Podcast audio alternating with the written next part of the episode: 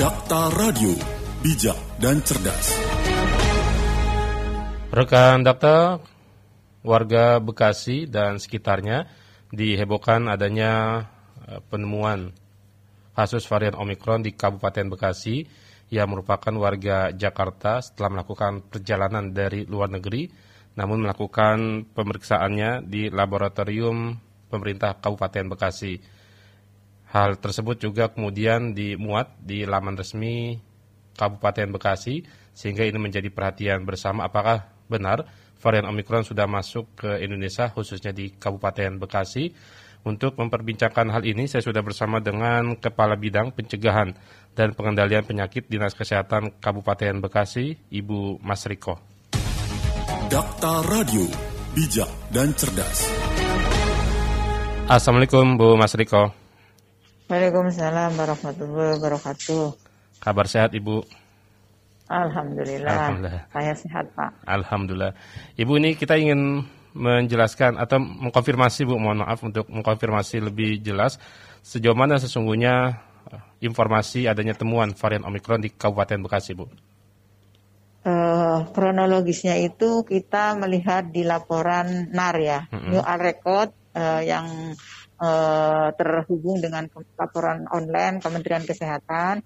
Pada malam hari itu kita melihat ada masuk laporan 19 orang positif COVID-19. Itu adalah perjalanan dari luar negeri. Nah, setelah kita tahu dilihat di laporan tersebut, ternyata yang memeriksa adalah Parmalab. Parmalab itu memang beralamat di Kabupaten Bekasi. Hmm. Nah, kita datang ke sana untuk eh, menindaklanjuti laporan tersebut. Setelah kita datang ke Parmalab, kita tahu bahwa itu bukan masyarakat Kabupaten Bekasi. Oke. Itu adalah warga negara asing Hmm. dan eh, warga negara Indonesia, tapi bukan Kabupaten Bekasi, Hmm. warga negara asing dan eh, warga negara Indonesia. Nah, setelah kita konfirmasi kembali, mereka memang eh, dari perjalanan itu kan di, langsung diperiksa PCR. Nah, Hmm. PCR tersebut diperiksa oleh Parmalab. Nah, karena memang Parmalab posisinya di Kabupaten Bekasi sehingga masuk laporannya ke Kabupaten Bekasi. Sehingga Oke. saya koordinasi dengan Kementerian Kesehatan Hmm. dan Dinas Kesehatan Provinsi untuk mengkonfirmasi bahwa itu bukan orang Kabupaten Bekasi. Nah, saat itu juga langsung dieksekusi oleh Kementerian Kesehatan dan oleh eh, Dinas Provinsi untuk dikeluarkan dari laporannya Kabupaten, Bekasi. hmm. Nah, clear di sana, eh, betul, clear di sana kita selesai, tidak ada masalah. Kemudian muncul berita bahwa ada eh, apa eh, kasus Omikron eh, 19 orang masyarakat Kabupaten Bekasi. Hmm. Nah itu eh, saya pernah berkonfirmasi dengan media eh, dan memang tidak tidak keluar eh, konfirmasi saya dan diberitakan bahwa itu bukan ada omikron Hmm. itu eh, mas, eh, warga negara asing dan warga negara Indonesia yang habis dalam perjalanan cuma mereka itu positif dan Oke. mereka diisoman di DKI karena ketemunya adalah di bandara sehingga setelah positif langsung diisoma di Wisma Atlet dan di sebagian di hotel sesuai dengan eh, permintaan dari eh, masing-masing yang eh, ingin melakukan isomannya Hmm. dari Wisma Atlet dan hotel sebagiannya. Dan memang itu kita dapatkan datanya dari Parmalab. Parmalab. Baik.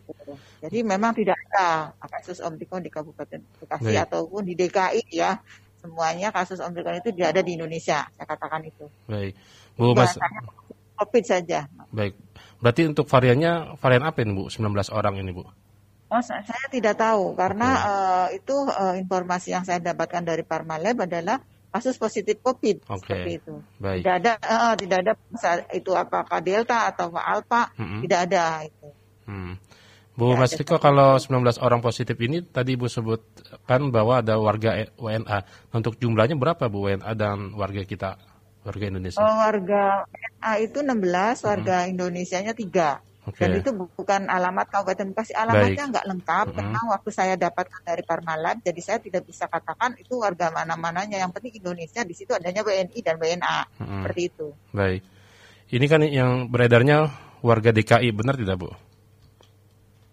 Oh, eh, saya kurang tahu. Oke. Itu pokoknya saya nggak nggak nggak nggak bisa menyebutkan dia warga DKI-nya yang WNI-nya ya. Hmm, hmm. Nah, jadi ada WNI tiga orang dan 16 adalah WNA. Baik. Karena totalnya 19 orang. 19 orang ya. Kalau dari perjalanan lu- luar negeri ke, ke negara mana Ibu?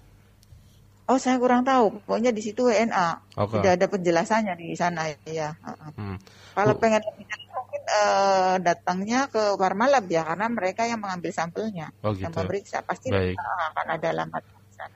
Bu Mas Riko kalau melihat tadi penjelasan Ibu bahwa mereka setelah melakukan perjalanan turun di Bandara Soekarno Hatta begitu Bu ya. Ini kenapa pemeriksaan Ya, labnya di Farmalab Kabupaten Bekasi Bu? Misalnya tidak ada di Oh, lab bandara seperti itu Bu? Jadi memang petugas eh, labnya sampelnya itu yang mengambil adalah eh, dari bandara. Mungkin bandara itu bekerja sama dengan Parmalab. Saya juga kurang tahu Hmm, tuh. Iya, alurnya ya. Eh, sistem eh, eh, Hmm. itu kan kewenangan dari KKP Labuha ini ya bandara ya. Hmm, Eh, Angkasa saya nggak paham itu. Oh, Saya juga kaget itu. Baik. Bu Mas Riko kalau sejauh ini bagaimana kondisi warga Kabupaten Bekasi terkait penyebaran COVID. Bu? Kasus COVID untuk Kabupaten Bekasi semakin turun, Mm-mm. walaupun memang fluktuasinya kadang ada naik, tapi naik tidak signifikan. Paling kita penambahan satu dua orang. Alhamdulillah posisi kemarin itu di 26 posisi positif aktif, Hmm. 26 orang. Ya. 26 orang dengan gejala berat Ya. atau ringan Bu? Positif aktif COVID ya betul. Oh, Oke. Dan saat Tapi ini kondisinya di mana Bu? eh, eh. Ya, Kondisinya 26 orang ini yang positif di rumah sakit atau di oh enggak di isoter, di isoter. isoter apa tuh Bu? Isolasi terpadu. Eh, isolasi terpadu terpusat. Oke. Berarti Isolasi di terpusat. eh. di mana Bu? Kemayoran. Eh, enggak di sini, Bekasi kan ada di Ibis. Oke, di Hotel Ibis Bu ya. Ya. Baik, kalau melihat dari ini Bu, protokol kesehatan kan rasa-rasanya sudah abai nih Bu. Nah, bagaimana Dinas Kesehatan atau Ibu melihat kesadaran masyarakat untuk selalu patuh Bu? Ya memang sebenarnya eh, protokol itu harus tetap ya terjaga karena kita tidak akan eh, bisa apa ya tidak akan bisa kita dapatkan supaya kita sehat Iya. kalau protokol itu tidak dijalankan. Jadi tetap prinsipnya untuk eh, menghadapi pandemi ini Hmm. dengan COVID ini kita tiga faktor Oke. segera lakukan vaksinasi, protokol Hmm. kesehatan Hmm. dan eh, satunya itu eh, apa ya? Pokoknya protokol kesehatan, vaksinasi, Tracking, tracing bukan? eh, ya, ya tracing 3T betul ya Hmm. tracing dilakukan tracing. Jadi Oke. kalau kita tracingnya kita dapat sehingga kalau penemuan kasus cepat kita lakukan tindak lanjutnya sehingga akan memutus mata rantai COVID-COVID untuk menyebar ke yang lebih luas lagi. Baik. itu. Ada tiga pak betul. Pak. Ketiga ya. Protokol sama vaksinasi. Baik. Alhamdulillah kita vaksinasi sudah mencapai sesuai dengan harapan pemerintah 70%. Hmm. Terus eh, apa tracing juga kita alhamdulillah ya sekarang dibantu dengan program Puspa dan yang untuk prokesnya mungkin ya yang agak sedikit Hmm. orang masyarakat Kabupaten ya. Bekasi kan heterogen ya Pak ya banyak Betul. keluar masuk Heeh. Eh, eh, bukan masyarakat asli dari sini jadi kadang-kadang suka melihat masih ada yang suka abai Pak. Baik. Bu Mas Riko, kalau untuk ada tidak temuan warga atau masyarakat yang terpapar saat mengikuti pembelajaran tatap muka terbatas, Ibu?